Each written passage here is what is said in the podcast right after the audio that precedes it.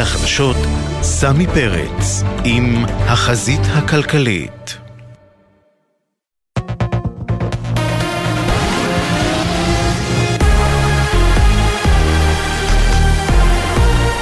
גלי צה"ל השעה 6. שלום רב, באולפן יהונתן גריל עם מה שקורה עכשיו.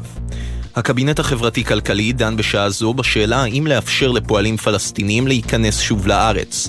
רוב השרים מתנגדים להכנסת פועלים מיהודה ושומרון.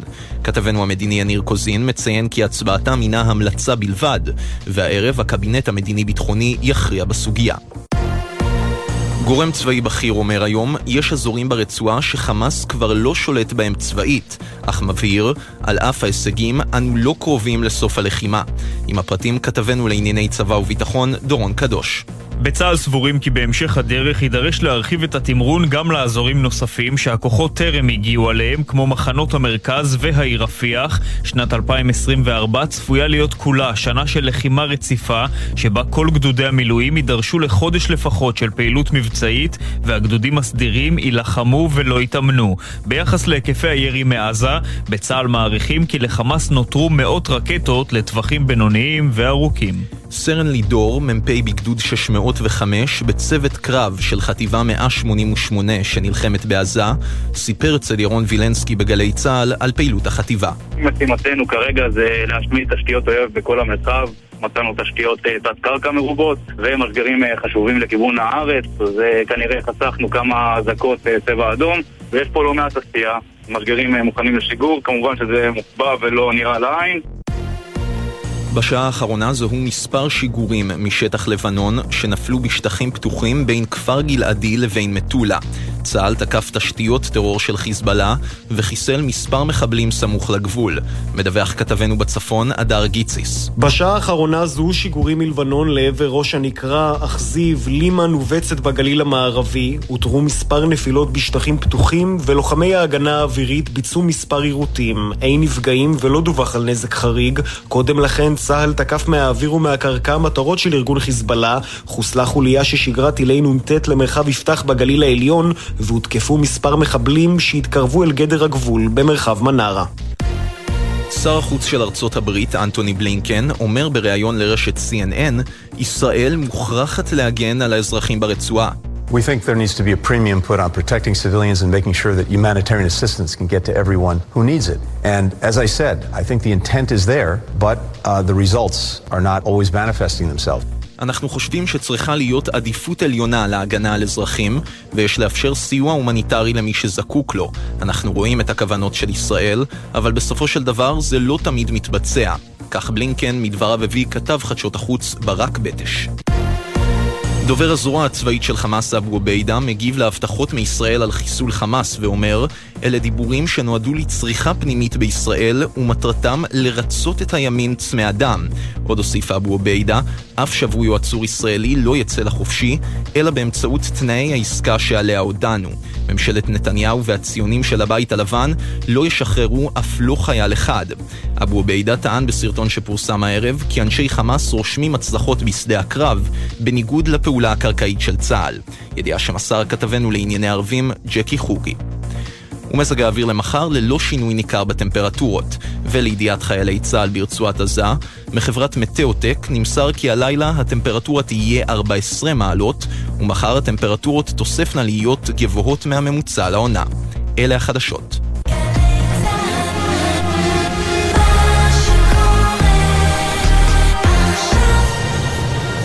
בחסות אנשור פלוס אדוונס, משקה התומך בשמירה על הכוח ועל ההגנה הטבעית. שאלו רופא או דיאטן. בחסות איי דיגיטל, המציעה מקבוק Air M1 עם שנת אחריות נוספת מתנה, ו-30 ימי התנסות ללא התחייבות, מ-4,099 שקלים. איי דיגיטל, כפוף לתקנון. בחסות אוטודיפו, המציעה מצברים לרכב עד השעה 9 בערב בסניפי הרשת, כולל התקנה חינם. כי אין סיבה לשרוף את שישי במוסך. אוטודיפו. ישראל במלחמה עכשיו בגלי צה"ל, סמי פרץ עם החזית הכלכלית.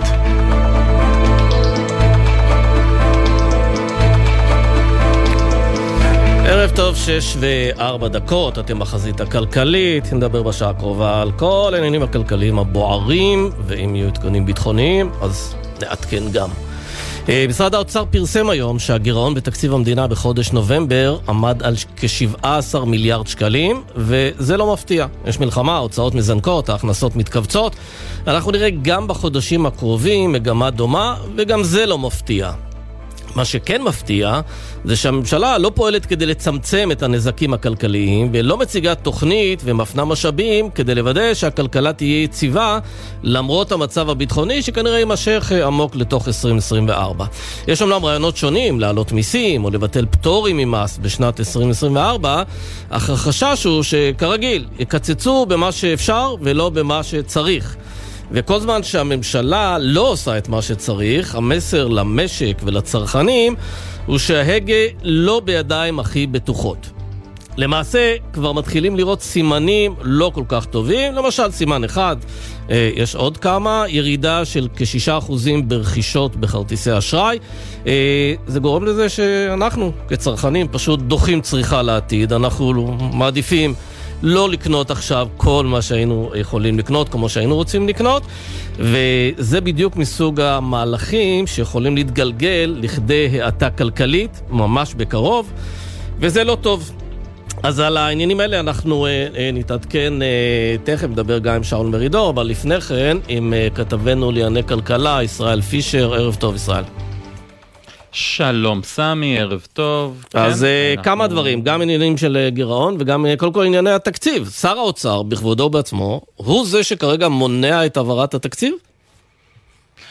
שר האוצר, המריבות על התקציב זה מריבה, ויכוח אינסופי, כי אתה יודע, שר האוצר בצלאל סמוטריץ' אומר שצריך להעביר את התקציב כמה שיותר מהר.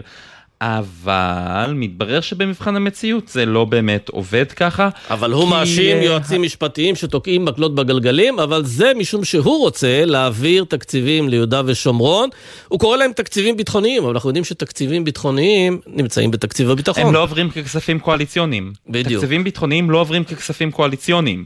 וסלע הוויכוח פה, סלע המחלוקת פה, היא, היא בעצם קשורה ל-180 מיליון שקלים להעברות למשרד להתיישבות אה, ומשימות לאומיות של אורית סטרוק, כסף שלטענת אורית סטרוק והשר סמוטריץ' אמור לעבור לכיתות כוננות ביישובים האלה למשל, ולהבטחתם, כי ברור, אף אחד לא רוצה להזניח את ההבטחה של היישובים האלה, אבל למה זה בכספים הקואליציוניים? ולכן אנחנו ראינו היום דחייה של ישיבת ועדת הכספים שאמורה לאשר לקראת אה, העברה בקריאה שנייה ושלישית של התקציב המחודש הזה עד לסוף השנה, עד ל-20 ומשהו ימים שנותרו עד לסוף השנה.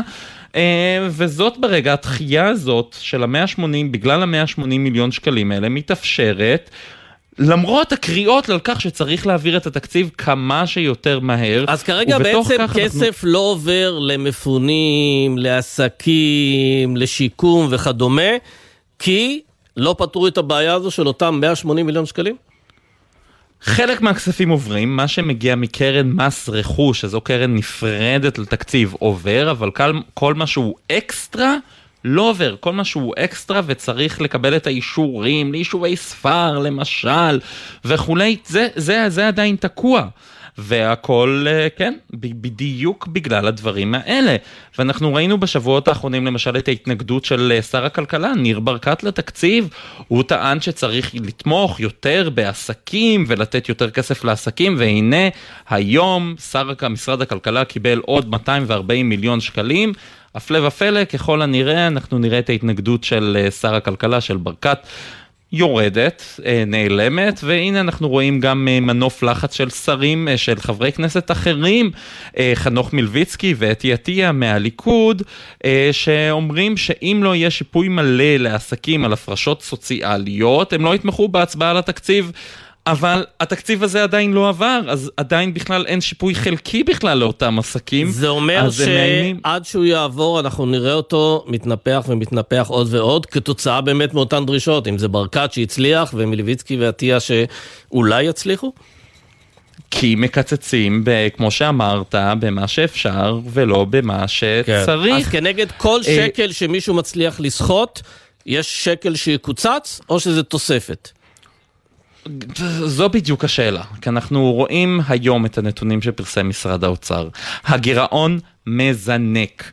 אנחנו גם, דרך אגב, היום אנחנו ראינו את האישור של הממשלה לתוכנית הרב-שנתית של מנהלת תקומה, וזו באמת אה, תוכנית יפה מאוד, שנותנת תקציב אה, עד 2028 של 18 מיליארד שקלים, אבל אנחנו גם בזה עוד לא יודעים מאיפה יבוא הכסף לשיקום יישובי עוטף עזה. ואנחנו ראינו היום גם את הגירעון מזנק לשלושה אחוזים וארבע עשיריות, כאשר בכירים במשרד האוצר אומרים שהתחזית עד לסוף השנה, במצב הנוכחי, היא ארבעה אחוזים. תן לי לספר לך משהו מעניין, סמי. קדימה. בתקציב המחודש הזה, שמביאים לאישור ועכשיו כולם רבים עליו, התקציב, הגירעון המוערך שם הוא שלושה אחוזים ושבע עשיריות. כלומר, כבר עכשיו, עוד לפני שאושר התקציב הזה, הגירעון כבר, המתוכנן כבר גבוה יותר ממנו. מה יהיה ב-2024? אלוהים שישמור אותנו. אתה דיברת על האזרחים שמסתכלים, אני לא יודע מה חושבים כן. הגופים הבינלאומיים שרואים את מה שנעשה פה. כן. אני ממש לא רוצה לחשוב על זה. אז אנחנו לא נחשוב על זה בינתיים, אנחנו נודה לך בשלב הזה, ונפנה בדיוק סמי. את השאלות האלה לשאול מרידור, לשעבר ראש אגף התקציבים ממשרד האוצר, ערב טוב. ערב טוב. לא, אולי נתחיל דווקא מהדבר המעצבן פה בימים אלה. אה, אתם, באגף התקציבים, המצאתם את הדבר הזה של אה, כספים קואליציוניים. כאיזה מין שוחד כזה לחברי כנסת, כדי שיעזרו לכם להעביר את התקציב ולא יתנגדו, אז זרקתם להוא 30 מיליון ולהוא 40 מיליון, אבל לאט לאט זה גדל והגיע למיליארדים. אתה לא קצת רוצה להכות על חטא? אתה ואתה יודע, וקודמיך בתפקיד. סמי, כל כך הרבה שמת לי על הכתפיים עכשיו. אה, אני לא חושב שכספים קואליציוניים נולדו באגף תקציבים, ללא ספק הם חלק, אה, היו חלק מהשיטה תקופה מאוד ארוכה כמו שאמרת.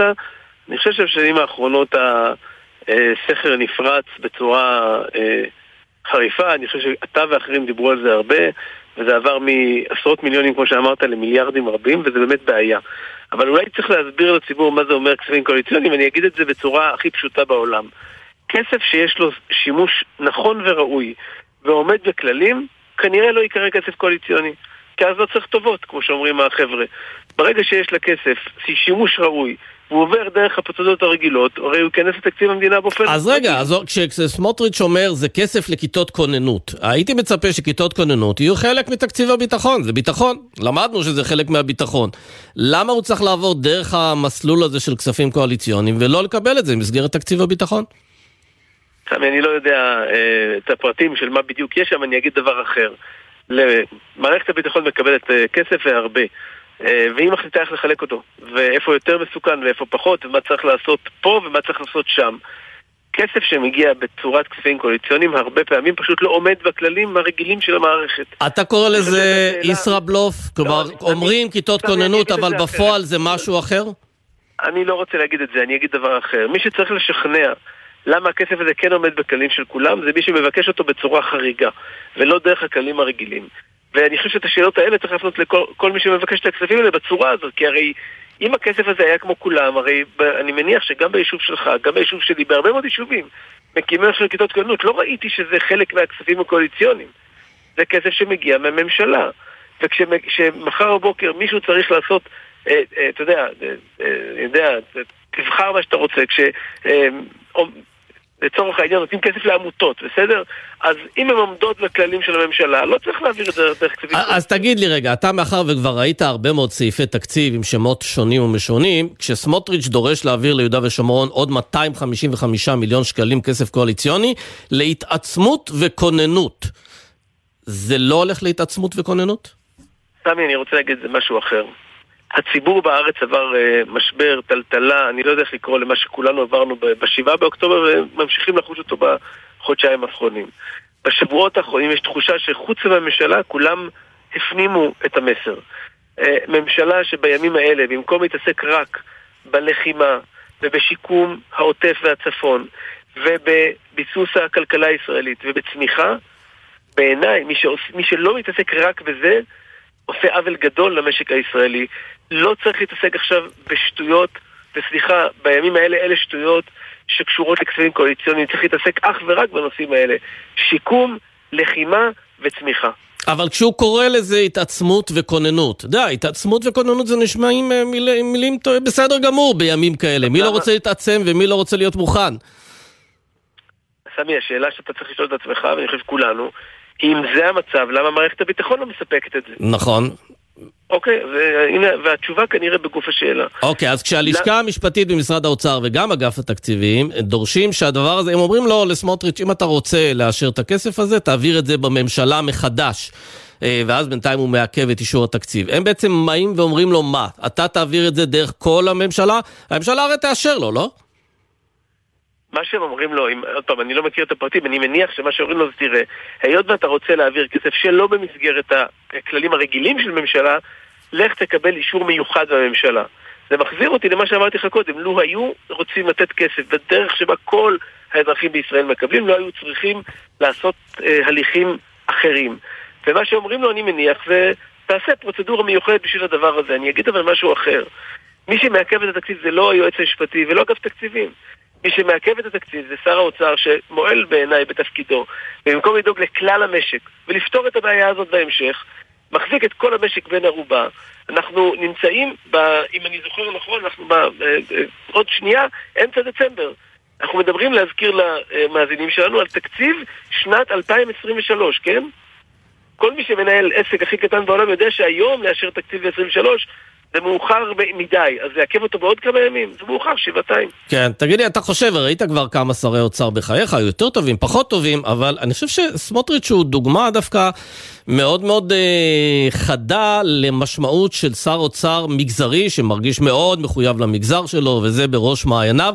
אתה ממש מרגיש שההתנהלות שלו כשר אוצר היא קודם כל למגזר ואחר כך למדינה?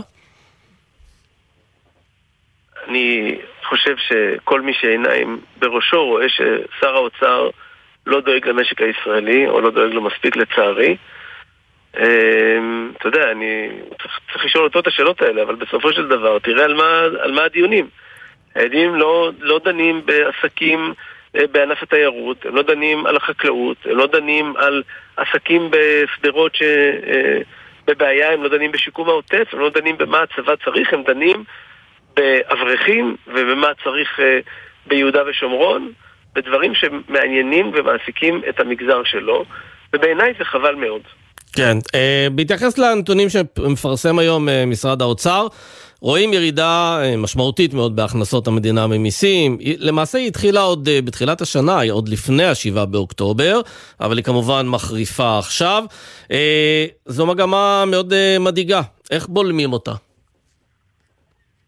מתחילים, אתה יודע, לקחת אחריות אני כבר לא מצפה, אבל מתחילים להתנהג באחריות, מפה והלאה. ולהתנהג באחריות אומר למשל לא לבטל במחי יד אה, מס שהיה צריך להיכנס רק אה, עוד כמה ימים של כמעט מיליארד שקל שבמחי יד העבירו עוד הערכה שלו, זה כמובן מס הסוכר שדובר ברמות. מס אה, משקאות ממותקים, כן, שזה, נכון. שזה חלק אגב מקווי יסוד של הממשלה הזאת, לבטל את המס הזה. בסדר, זה למשל, זה למשל להפסיק לסבסד את הדלק כל חודש, כי לא רוצים שהציבור יראה את המשמעות של עליית המחירים, בהקשר הזה עליית שער החליפין שעלתה. זה לעשות דברים שממשלה צריכה לעשות, ולא פופולרי לעשות אותם. יש, אנחנו במלחמה. ונכנסנו למלחמה לצערי אחרי תקופה ארוכה של חוסר ודאות. מה שהמשק צריך עכשיו זה ממשלה אחראית שמצד אחד תפתח את הכיס ותפתור בעיות בעולם הלחימה, השיקום, ומצד שני תקפוץ את ידה בכל מה שקשור להוצאות שאינן הכרחיות, בטח לתוספות כאלה. ההתנהגות שאנחנו רואים בממשלה בשבועות האחרונים היא הפוכה בתכלית. כן.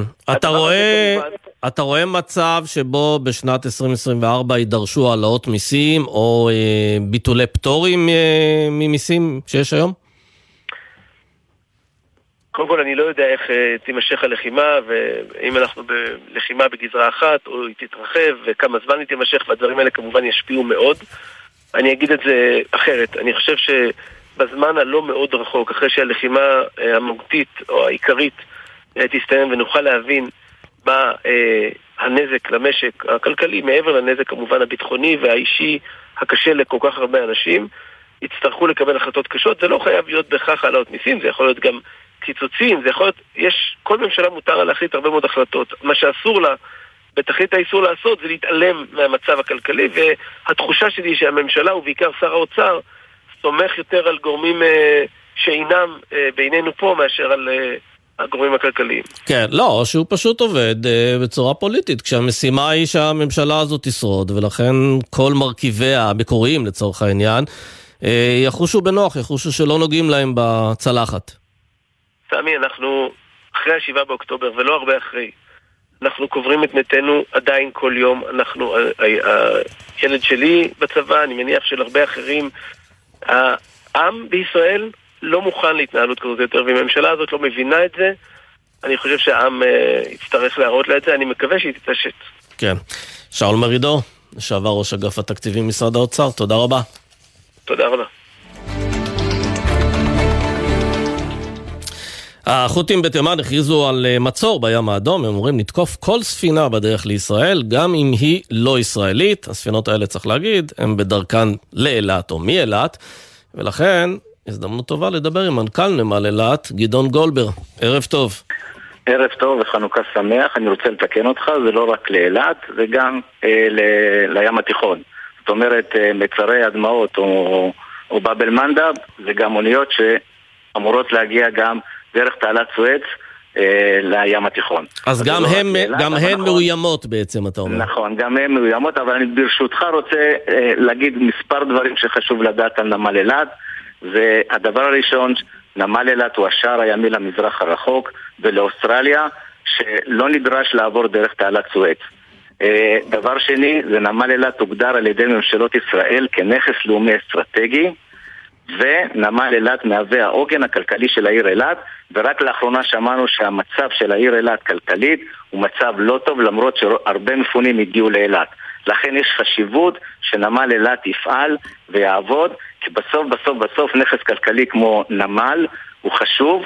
בל נשכח, רק לפני מספר שנים הייתה קורונה באילת והמקום העבודה... הייתה קורונה בעוד מקומות, גדעון. נכון, אבל באילת המצב היה קשה כי 95% כן, כי לא הייתה תיירות, ברור. מהתעסוקה באילת היא, היא תיירות ואתה יודע מה קרה בזמן הקורונה, התיירות קרסה ונמל אילת המשיך לעבוד. ברור. לכן יש חשיבות מאוד גדולה להשאיר את נמל אילת כנכס אסטרטגי ומקום עבודה חשוב ופעיל. יפה. אז אה, בוא תעדכן אותנו בעצם, העניין הזה עם המתקפות של החות'ים על ספינות, כבר, כבר היו כמה כאלה.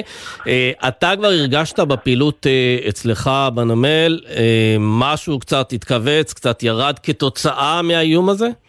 בטח, כמובן, לצערנו הרב, מאמצע נובמבר אה, פסקו האוניות להגיע לנמל אילת, בעיקר אוניות שמובילות כלי רכב מהמזרח הרחוק, וזה מהווה בעיה קשה לנמל אילת.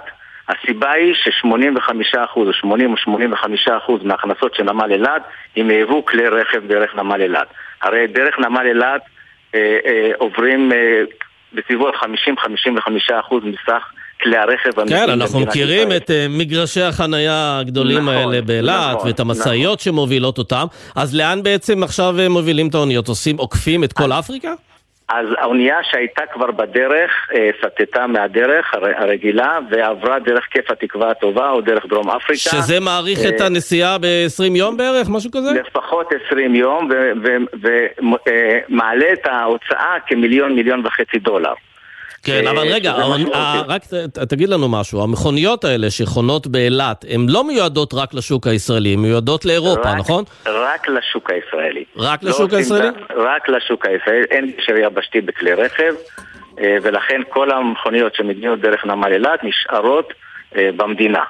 עכשיו, מה שמפליא אותי שהמדינה אה, לא, לא מארגנת קואליציה לפתוח את המצר הזה ולדאוג לשחרר את האונייה התפוסה שיש היום ל- ל- ליפנים. יש להם אונייה אה, חטופה, כולל 25 אנשי צוות. יש חשיבות מאוד גדולה לארגן קואליציה ולפתוח את המצר. אל תשכחו, אסור לשכוח. שמדינת ישראל נכנסה פעמיים למלחמה בגלל אה, סגירת מצרי טיראן, נדמה לי זה ב-56 והשני ב-67. נכון. רגע, תגיד לי, כמה אוניות כאלה מגיעות בדרך כלל לנמל אילת בשבוע רגיל? בחודש, בחודש יש לנו בסביבות 3 עד 4 אוניות כלי רכב.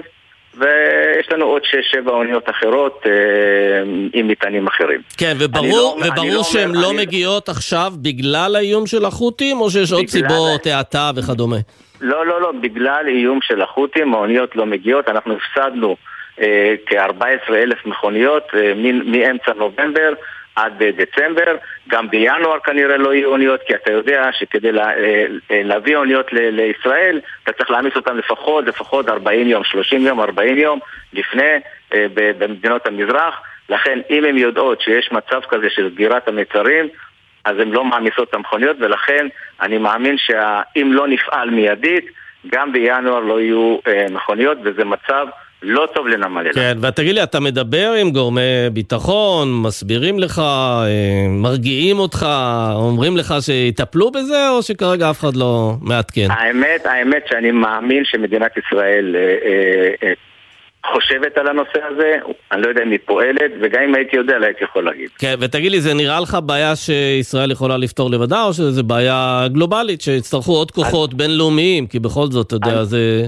אני... נתיבי שיט שיש בהם עוד אוניות, וגם נכון. יכולות להיות טעויות ותקלות, וכבר ראינו שתקפו אוניות שחשבו שיש בהן, חשבו שהן בבעלות ישראלית, אבל הן לא. אני מאמין, אני מאמין שהמדינה, מדינת ישראל צריכה קואליציה של מדינות כמו ארה"ב, בריטניה, אבל מה שחשוב להגיד זה שהמצרים מפסידים פה הרבה מאוד כסף. שליש מההכנסה של מצרים זה המעבר בתעלת סואץ. אם אונייה רגילה עוברת דרך תעלת סואץ, למשל אוניות של כלי רכב, זה בסביבות 400-500 אלף דולר לאונייה. לכן אני לא מבין את המצרים, למה הם לא פועלים מיידית כדי זה. הסינים גם כן מפסידים מהסיפור הזה. אני מאמין, אני מאמין שבסין חברות הספנות גם שייכות למדינה בגלל שיטת המשטר. ולכן אונייה שתעשה את כיף התקווה הטובה ותפסיד מיליון וחצי דולר להפלגה, אני מאמין שיש גם אינטרס גם לסינים וגם למצרים להפסיק את ה... וגם ליפנים ולקוריאנים שמשם מגיעות המכוניות. אין ספק, אין ספק, ולכן צריכה לקום קואליציה שתפתור את הבעיה הזאת. אני לא מבין איך מדינות העולם החופשי מאפשרות לחבורה של חות'ים, כן, לסגור את המצר הזה ולגרום לבעיה כלכלית קשה לעולם. כן, ו... צריך לעצור את זה. עכשיו, המצב יהיה יותר גרוע חס וחלילה, אם תיפתח המלחמה בלבנון, אז אילת תהיה נצורה, חיפה תהיה נצורה, ואשדוד תהיה נצורה. אז כל מדינת ישראל תהיה נצורה, ולכן יש חשיבות לפעול מיידית. כן, ורק צריך להגיד שכמעט 99% מהסחר של ישראל מגיע באוניות, לא במטוסים נכון, ולא נכון, אה, נכון. סחר יבשתי, כי אנחנו לא בדיוק... 99%, אה, אתה צודק 100%, 99% מהסחר של מדינת ישראל הוא באמצעות אה, אוניות או נמלי הים. כן, ותגיד לי, לסיום, אתם עושים איזה שהם צעדים, אתם מתייעלים, אתם uh, מורידים פעילות, כאילו אתם באים בבוקר ומה קורה בנמל כשיש את האיום הזה? האמת, האמת, ההוצאות, ההוצאות הקבועות הן הוצאות גבוהות לנמל, אה, אם זה ארנונה, אם זה חשמל, אם זה שכר עובדים.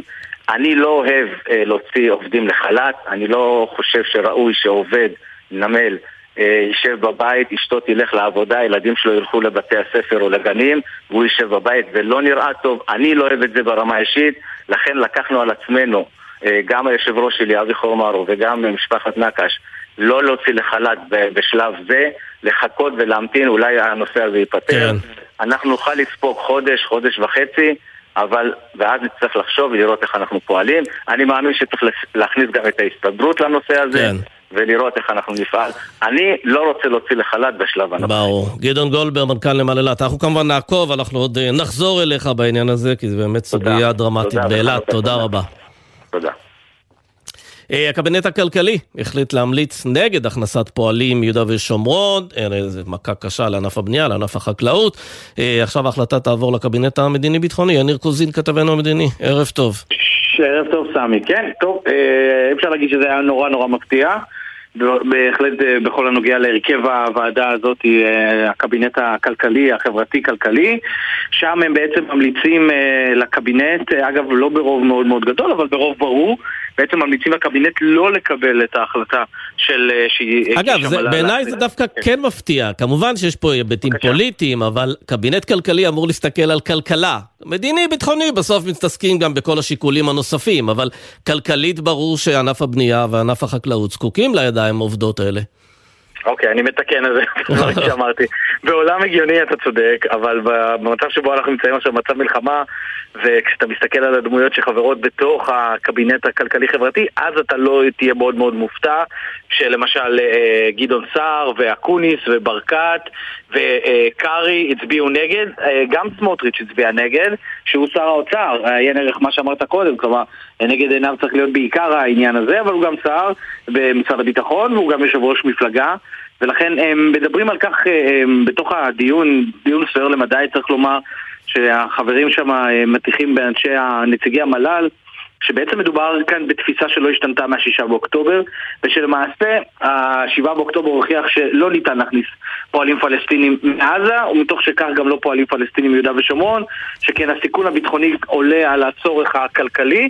מה יעשו עכשיו אני לא יודע אה, מבחינתם, כלומר אנחנו יודעים שהקבינט המדיני-ביטחוני שצפוי להתכנס אה, בקרוב, הערב לפי מיטב הבנתי ועל פי ההרכב שאני מכיר שם, דווקא יתמוך. אה, בהכנסה מסוימת, או לפחות אה, ניסוי כזה, סוג של פיילוט של הכנסה של קבוצה מסוימת. שאגב, כאן יש גם שיקול ביטחוני שנוגע לא רק לישראל, אלא גם ליהודה ושומרון. אתה אומר לעצמך, אם תהיה להם עבודה ותהיה להם פרנסה, אז אה, אולי יש שם פחות מתיחות ביטחונית. כלומר, זה לא רק העניין של בוא נכניס לפה אנשים שיכולים לעשות פה פיגועים.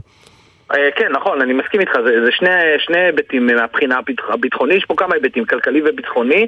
הכלכלי הבנו, אה, חסרות, אתה יודע יותר טוב ממני, כמה ידיים עובדות חסרות בענף הבנייה ובענף עשרות אלפים, שלמה, כן, כן, עשרות אלפים. אלפים של, שלמעשה קפואים, פשוט קפואים, ענף הבנייה לגמרי קפוא אה, כבר חודשיים ולא זז, ולכן יש את הצורך הזה. עכשיו תראה, אה, שתי הצעות מגיעות אה, לקבינט המדיני-ביטחוני ושתיהן כלכליות בעיקרן. האחת זה ההצעה הזאת, בנוגע להכנסת פועלים פלסטינים, והשנייה היא אה, אה, מה שנקרא העברת אה, הסילוקים, העברת הכסף שישראל גובה ממיסים לרשות הפלסטינית. נזכיר, ישראל אמרה שהיא תעביר את הכסף הזה, אבל היא תקזז את הכסף שצפוי או אמור לעבור לחמאס. אז הרשות הפלסטינית אמרה, אם כך, אנחנו לא רוצים לקבל שום דבר. הנושא הזה עולה לדיון שוב, למיטב הבנתי הערב בקבינט, ויהיה מעניין לראות מה יחליט שם. כלומר, אתה מבין גם סתם כן. שזה מדובר בדרישה אמריקאית, כן? כי הרשות הפלסטינית ממש מתמוטטת מכלכלית, ולכן יהיה מעניין לראות איך ירבו את המעגל הזה, אחרי שאמרו לא להעביר כסף, עכשיו ינסו כן להעביר אותו, מה תגיד הרשות הפלסטינית. כמו שאמרת, יש לזה היבט כלכלי, אבל לא פחות היבט ביטחוני בכל מה שקשור לרשות הפלסטינית, ויש מי שאמר בתוך הדיון הזה שזאת הקונספציה, אותה קונספציה שחשבנו על עזה, זאת הקונספציה לגבי יהודה ושומרון, ולכן צריך להתנגד. אוקיי, okay, ידוע לך אגב, אחרי שהם מחליטים לא להכניס פועלים מיהודה ושומרון, האם יש להם פתרון אחר, למשל להגדיל משמעותית את מכסת העובדים הזרים? אה, גם, קודם כל זה גם, זה מדובר על זה יותר מפעם אחת. למשל, שר, אה, שר הפנים משה ארבל, שלא השתתף בדיון, אבל העביר את, אה, את תשובתו לעניין הזה, אז הוא אמר, אני מתנגד מלכתחילה לדיון הזה, מכיוון שבעיניי אה, המכסה צריכה להגיע מתוך הערבים אה, אזרחי ישראל. אומר, זה כבר התחיל, אנחנו עובדים בחלק מהמקומות, הם רוצים עבודה, הם צריכים עבודה, והם עונים על הצורך. זה אחד, ושניים, זה באמת העניין של הבאת פועלים זרים. סמוטריץ' גם אמר שצריך לתת אה, קדמה לעניין הטכנולוגי. אני לא יודע למה הוא מתכוון, אולי בבניית אה, בתים במדפסות אה, דיגיטליות או משהו בסגנון הזה, אבל זה גם זה נאמר שם בדיון, אפרופו השאלה שלך. יפה. יניר קוזין, כתבנו המדיני, תודה רבה. תודה, סמי. אה, אנחנו נעשה להפסקה קצרה, אחרי זה נחזור גם עם דחייה נוספת בשנת הלימודים האקדמית, גם uh, תמונת מצב, מה קורה באותם uh, קיבוצים uh, שפונו בעוטף עזה, וגם הנושא של הבחירות המקומיות ועוד ועוד. כבר חוזרים. אתם מאזינים לגלי צה"ל. סופגניה עם ריבה לאימא, שוקולד בשבילי. וריבת חלב לירון. תגיד, למה אתה כל הזמן כאן? כי בתקופה הקרובה כולנו צריכים לחיות לצד ההנחיות. שלום, אני ירון, מסביר פיקוד העורף. הכרת ההנחיות נותנת לנו את הביטחון לחזור לעבודה, למסגרות החינוך ולשאר העיסוקים ולשמור על עצמנו. זכרו, הנחיות פיקוד העורף מצילות חיים. זו העונה של קטיף העדרים. זו העונה של שתילת הירקות. זו העונה של גיזום הנשירים. וזו העונה במשק בעלי החיים. חקלאי ישראל, כמה עובדים חסרים לכם כדי להציל את העונה? ספרו לנו על צורכי המשק שלכם, ואנחנו, במשרד החקלאות, נדאג לכם לידיים עובדות. מלאו עכשיו טופס באתר המשרד. יחד נציל את העונה, ויחד ננצח. מגיש משרד החקלאות ופיתוח הכפר. היום יצאנו מבית הספר להתנדב במטעים ועזרנו לחקלאים. היום יצאנו מבית הספר להתנדב באריזת ציוד למשפחות המפונים. שלום, אני דפנה, מחנכת כיתה ומורה לאנגלית כבר 20 שנה. בימים האלה, השיעור הכי חשוב שאנחנו יכולים ללמד את התלמידים שלנו הוא שיעור בערבות הדדית ובאחדות. לכן משרד החינוך הקים את מיזם ההתנדבות הלל, הנוער למשימות לאומיות, המחבר בין בני נוער מתנדבים לבין ארגונים הזקוקים למתנדבים. לפרטים ולתיאום התנדבות, ייכנסו לאתר משרד החינוך. התלמידים שלנו, גאווה ישראלית. עמיתי מועדון חבר, מותגי הרכב של פריסבי בהטבות בלעדיות במיוחד לכם. רנו, ניסן, אינפיניטי, ויזי וצ'רי. רק עד 15 בדצמבר בכל אולמות התצוגה. לפרטים כוכבית 6020, או באתר מועדון חבר. בתקווה לימים שקטים יותר במהרה. זה הכל בשבילך. חבר. תגיד, אבנר, ראית את החדשות? לא, לא. למה, מה החמצתי בחדשות? המגיש באולפן הציע לתקוף את חיזבאללה, הכתב בצפון המליץ לא לתקוף, הכתב בדרום המליץ לשטח את הרצועה, והמגישה באולפן המליצה לשים עין על איראן. נו, אז מה בעצם היה שם בחדשות? האמת? כלום. הפרעת קשב, מבית גלי צה"ל והאוניברסיטה הפתוחה. אנשי התקשורת משה שלונסקי ואבנר הופשטיין מרימים את המסך של עולם התקשורת, במיוחד במלחמה. בכל זמן שתרצו, באתר וביישומון גל"צ גלגלצ, ובכל מקום שאתם מאזינים להסכתים שלכם. יש אישה תשמעי דבורה, אני שומעת אותך ואני אה, לא יודעת אם יש סיכוי שרומי שומעת ואם את יכולה כן, לומר כן. לה משהו עכשיו. רומי, אני אוהבת אותך, אני יודעת שכמה שאת יכולה, את עוזרת גם שם, את מלטפת אותם כמו שהיית מלטפת אותי כשהיית יכולה. אני יודעת שאת מחזיקה מעמד, עוד קצת, עוד קצת יגיעו אלייך ויוציאו אותך. דבורה לשם, תודה רבה לך. גלי צה"ל, פה איתכם, בכל מקום, בכל זמן. עכשיו בגלי צה"ל, סמי פרץ, עם החזית הכלכלית. חזרנו לחזית הכלכלית, אה, 6.36. מסתבר שיש דחייה נוספת בפתיחת שנת הלימודים האקדמית. אה, תכף אנחנו נדבר על זה עם אה, רקטור האוניברסיטה העברית, אבל לפני כן כמה דברים שאמר בעניין הזה ממש, ראש אגף כוח האדם בצה"ל, האלוף אה, יניב אסור, ממש לפני זמן קצר.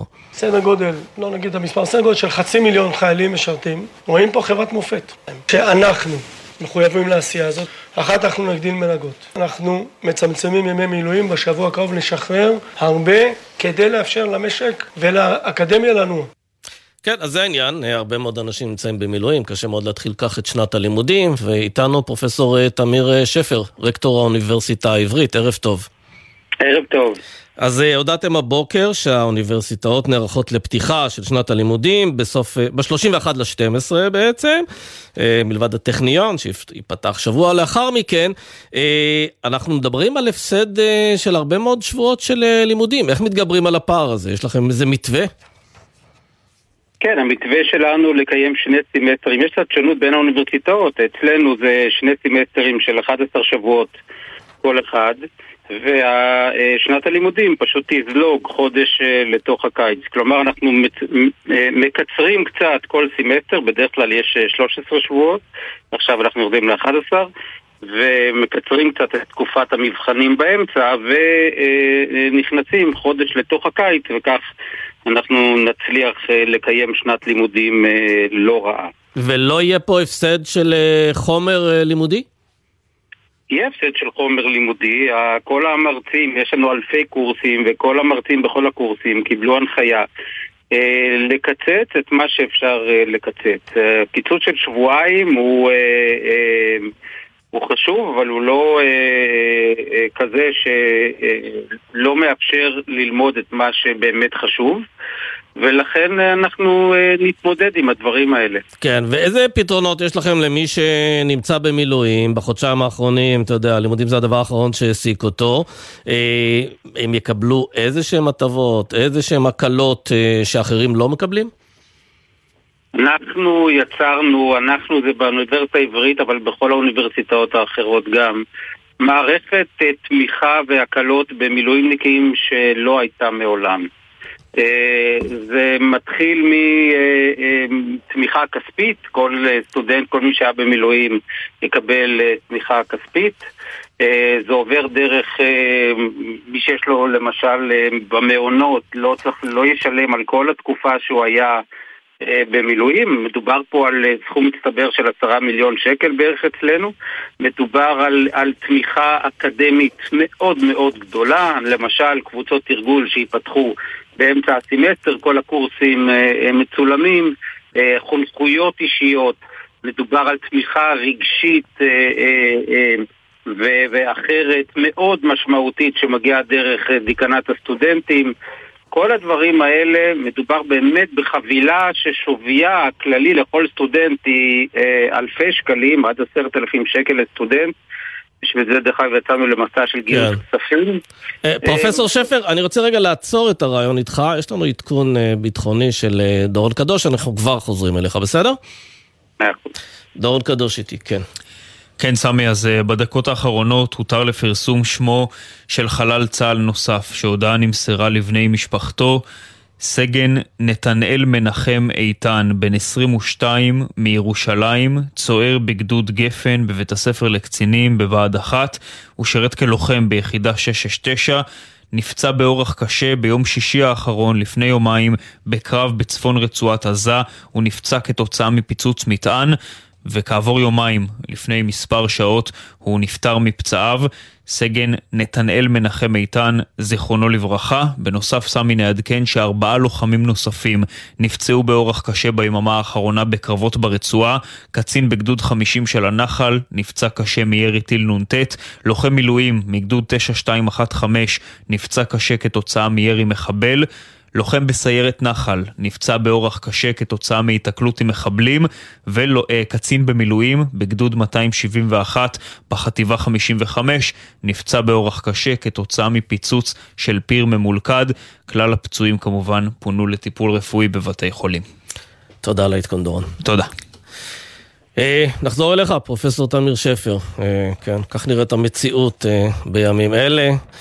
אה, אז אם נחזור רק לעניין אה, שכר לימוד, אם אנחנו, אה, סטודנטים ילמדו פחות השנה, אז הם גם ישלמו פחות? אני רגע רוצה להתחיל קודם באמת בהבעת תנחומים ואיחולי החלמה לכל הפצועים. גם לנו, גם אנחנו מאבדים סטודנטים שלנו, יש לנו כמה חללים ויש לנו סטודנטית שהיא חטופה ויש לנו בן של פרופסור שהוא חטוף, אנחנו כולנו מתפללים לחזרתם. באמת אה, משתתפים באבלן של המשפחות. בהחלט. לעצם אה, אה, שכר הלימוד. שכר הלימוד במדינת ישראל נקבע על ידי הממשלה, זה דבר ראשון. ודבר שני, שכר הלימוד משולם עבור תואר, לא עבור שבועות של לימוד, ולכן כמו תמיד, וזו לא הפעם הראשונה בהיסטוריה שהסימסטרים מתקצרים קצת, שכר הלימוד נשאר אותו דבר, אבל כאמור, סטודנטים, המילואימניקים, וגם בני המשפחות שלהם, דרך אגב, מקבלים תמיכה מאוד מאוד משמעותית ששווה לא מעט כסף. כן. אה, אני רוצה לעבור איתך לעניין אחר. אה, נשיאת אוניברסיטת פנסילבניה התפטרה אחרי שימוע די מביש בקונגרס, אה, ששם בעצם היא אמרה שסיווג קריאות לרצח של יהודים כבריונות או כאלומות, או כאלימות, תלויה בהקשר שלהם, בקונטקסט, והיא חטפה הרבה מאוד ביקורת על העניין הזה, בסופו של דבר נאלצה אה, להתפטר. יש לך הסבר להתבטאויות האלה? הרי אנחנו מדברים, ויש את זה לא מעט גם באוניברסיטאות אחרות. מדובר באנשים משכילים, נאורים, הם כאילו, הם אמורים קצת, קצת ככה, אתה יודע, לשמור על היכולת שלהם באיך שהם מתבטאים ואיך שהם חושבים. איך היא הסתבכה ככה? אני חושב שהיא הסתבכה ככה כי היא שכחה את המהות, לא רק היא דרך אגב, אלא גם אה, נשיאת, גם שתי הנשיאות האחרות של MIT ושל אה, הרווארד שהיו איתה. הם שכחו את המהות והם הקשיבו יותר מדי כנראה ליועצים המשפטיים שלהם. אני רוצה אה, להזכיר או לספר עוד פעם למי שלא שמע שכבר בשבוע הראשון לאחר השביעי באוקטובר כאשר 30 אה, אה, אגודות אה, סטודנטים בהרווארד יצאו במתקפה נגד ישראל וטענו שבעצם ישראל היא זו שאחראית לטבח הנורא שעשה חמאס והנשיאה של הרווארד קלאודין גיי בעצם אמרה, תקשיבו, הדבר החשוב הוא שנהיה פה כולנו ביחד כ-one Harvard Community אמרה, וזהו, בלי לנקוט שום עמדה. ואנחנו באוניברסיטה העברית, הנשיא ואני והרקטור הקודם, יצאנו במכתב חריף אה, נגדה ששלחנו אליה ואמרנו לה, אכזבת אותנו. לא עמדת בדרישות שלך כנשיאה ושל הרווארד כבעצם המגדלור האקדמי. כן, והיא הגיבה למכתב שלכם? כן, היא יצרה קשר איתנו ו- וקיימה שיחה עם הנשיא שלנו, לא, לא יצא מזה אה, כלום, היא ניסתה להסביר, היא גם אחר כך התנצלה והבהירה אה, לאחר אותה פעם, והנה עוד פעם, גם השבוע היא נכשלת אה, בדברים שלה, מאוד מאוד מאכזב. כן, תגיד לי, אה, רק לסיום בעניין הזה, אה, חלק מהסיבה שהיא נאלצה להתפטר זה גם לחץ של תורמים שאומרים אנחנו לא נתרום אם, אם ככה מדברים פה, אבל תגיד לי, זה לא, זה לא כבר קצת tricky העניין הזה? כי יכולים לבוא תורמים אה, גם מהצד השני וגם כן לנסות ליישר את ה... את אותם נשיאי האוניברסיטאות. איך, איך פוסעים בתוך שדה המוקשים הזה? פשוט לא לדבר וזהו? לא, לא, כשאתה בתפקיד כזה של נשיא ורקטור של, של אוניברסיטה מובילה, אתה צריך שיהיה לך אה, מתווה מוצרי מאוד ברור. אה, אנחנו מתמודדים עם זה כל הזמן, הנשיאים והרקטורים אה, באוניברסיטאות פה בישראל. אנחנו עברנו אה, רפורמה סלש מהפכה משטרית, עברנו עכשיו מלחמה, אנחנו מתמודדים עם זה יום-יום. כן. וצריך פשוט להיות נאמן לדברים החשובים ולא לפוליטיקלי קורקט. בהחלט. פרופסור תמיר שפר, רקטור האוניברסיטה העברית, תודה רבה לך. תודה רבה, ערב טוב.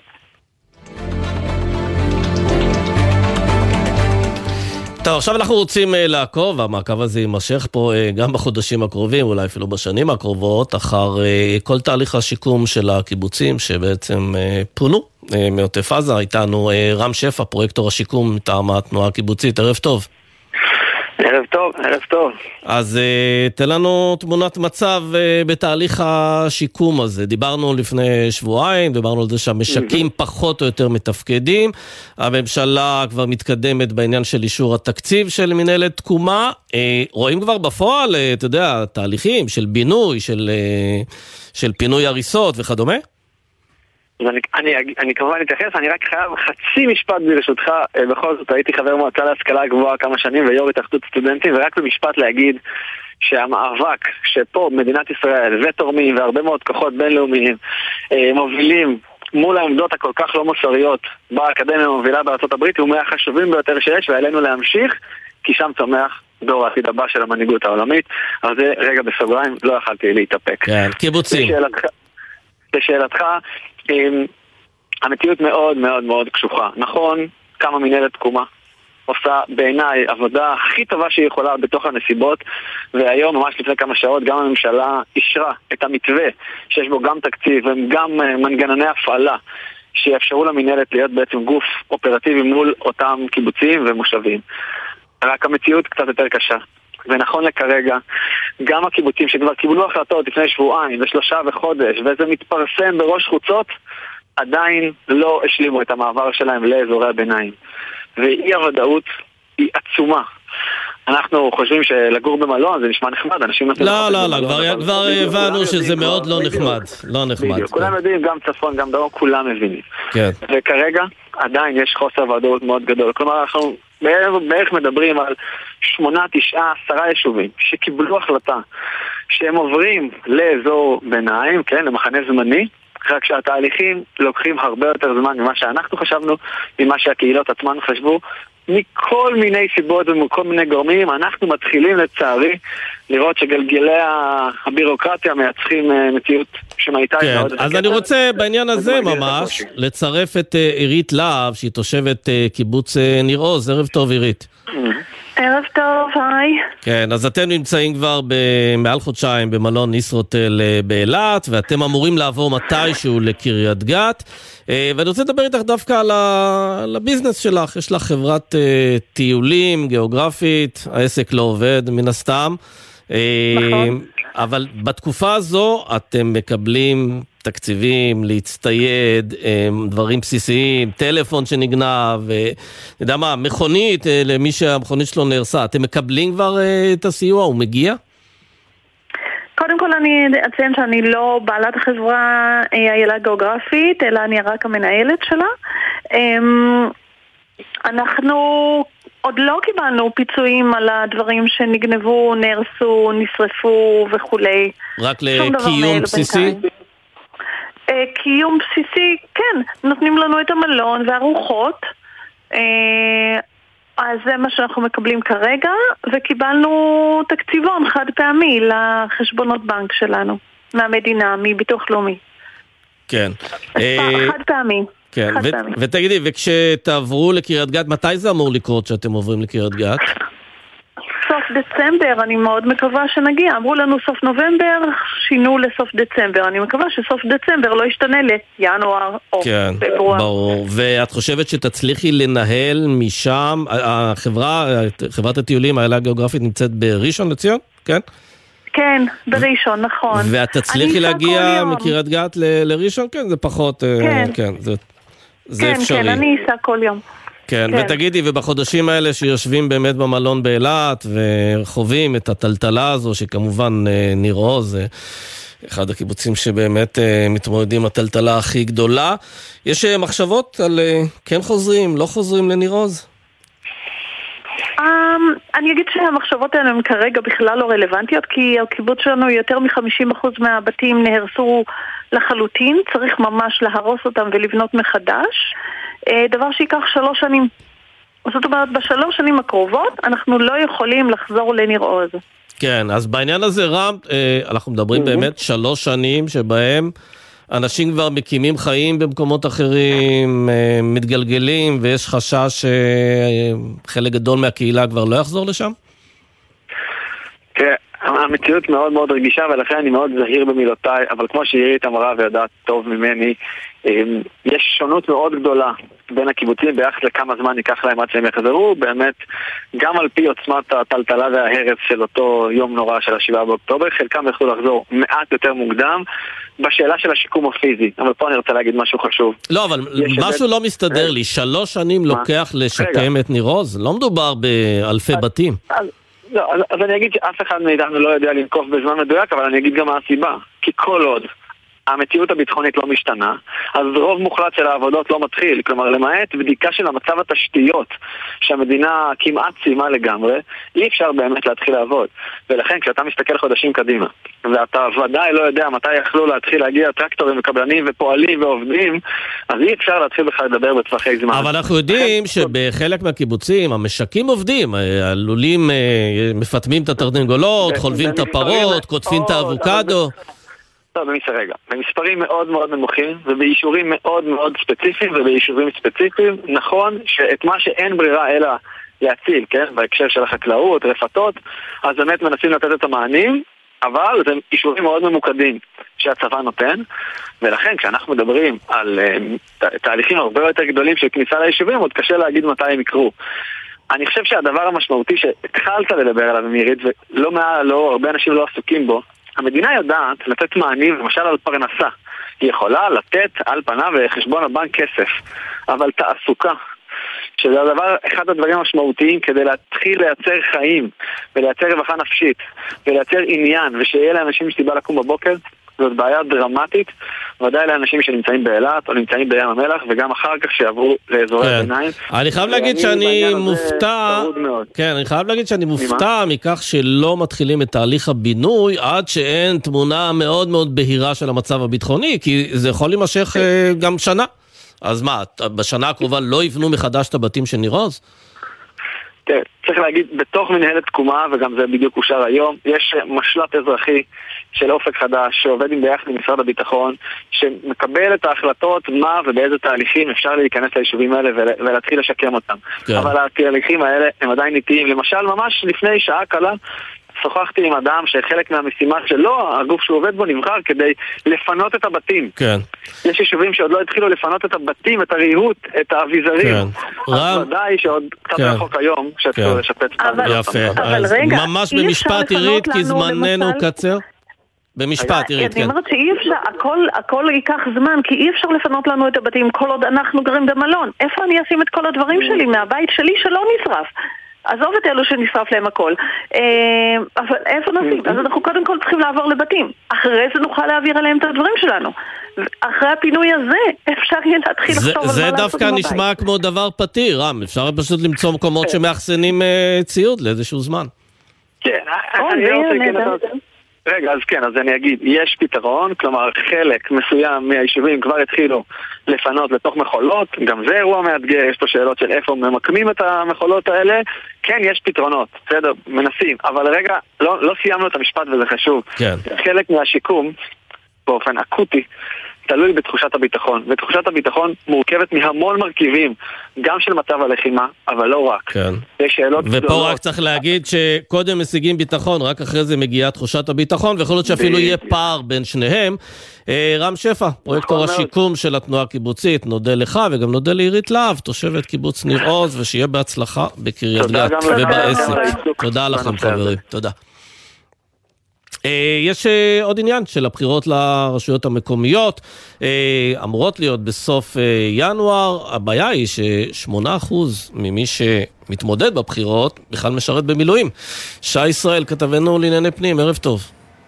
ערב טוב, סמי. אז אה, כן, בשבוע שעבר החליט שר הפנים משה ארבל שהבחירות תתקיימנה במועד המתוכנן, שנקבע קצת אחרי המלחמה, 30 בינואר, עוד פחות מחודשיים, למרות המלחמה.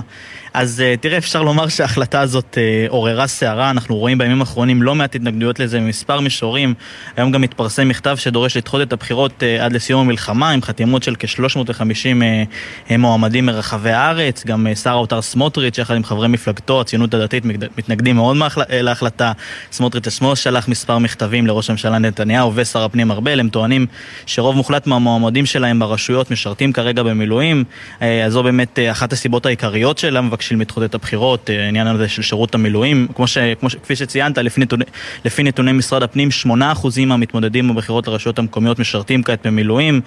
שר הפנים גם פנה לראש אכ"א לא, לפני שבוע בערך וביקש לשחרר את המועמדים בבחירות משירות מילוא- מילואים. קיבל תשובה? אמ, אני מניח, מניח שזה יתאפשר, אבל יש גם את עניין הרצון, הרוב המוחלט אומרים לנו שזה לא מקובל עליהם עכשיו, אה, פשוט לא להגיע למילואים, הם לא רוצים להגיע למצב שהם צריכים לבחור בין העיר שלהם אה, לשירות, אה, לשירות המילואים שלהם. אז אחד, אחד מהם זה יריב פישר, מתמודד לראשות עיריית הרצליה, שוחחנו איתו, בואו נשמע. משרת כבר אה, בצו 8 כחודשיים ביהודה ושומרון, רב סרן במילואים. לפני המלחמה, בעולם, ה... ביקום המקביל הזה, נולדתי לראשות עיריית הרצליה, והמצב עכשיו של אה, בעצם אה, לעצור את הכל ולהתמודד לראשות עיריית הרצליה, הוא מצב לא מתקבל על הדעת. יש לנו פה משימה, יש לנו עבודה לעשות. אני לא, לא חושב שזה ערכי לעצור את הכל ולהגיד עכשיו אני הולך להתמודד לראשות עיריית הרצליה. כן, אז יש הרבה קולות כאלה. מהצד השני יש גם את מי שכן תומכים בהחלטה, בראשם כמובן זה שר הפנים, משה ארבל, שאתמול הוא ענה במכתב לסמוטריץ' ואמר שחרף הקשיים ניתן לקיים בחירות בעוד אה, כ-50 ימים. קיום הבחירות וחיזוק, הדמוק... אה, וחיזוק המרקם הדמוקרטי הוא צו השעה, דחייה תיתפס ככניעה. אבל אין לו תשובה לאותם אנשים שפשוט לא יכולים לעשות קמפיין, הם בעזה. אז uh, הוא טוען ש, ש, שאפשר, uh, שניתן למצוא פתרונות ושהאפשרות של לדחות את הבחירות היא האפשרות הגרועה יותר. Uh, גם uh, בשלטון, בשלטון המקומי, חיים ביבס מאוד תומכים בלקיים את הבחירות ב-30 בינואר. בסדר. בינתיים נראה שזה מה שיהיה, למרות הלחצים. מאה אחוז. אה, שי, בכל אנחנו חייבים לסיים. תודה רבה לך. אה, נגיד גם תודה לבן נצר שערך, למאי נבון שהפיקה, לביצוע הטכני הלל גוטמן, עורך הדיגיטל רן לוי, מיד אחרינו טלי ליפקין שחק. אנחנו נהיה גם מחר בחזית הכלכלית. ערב טוב.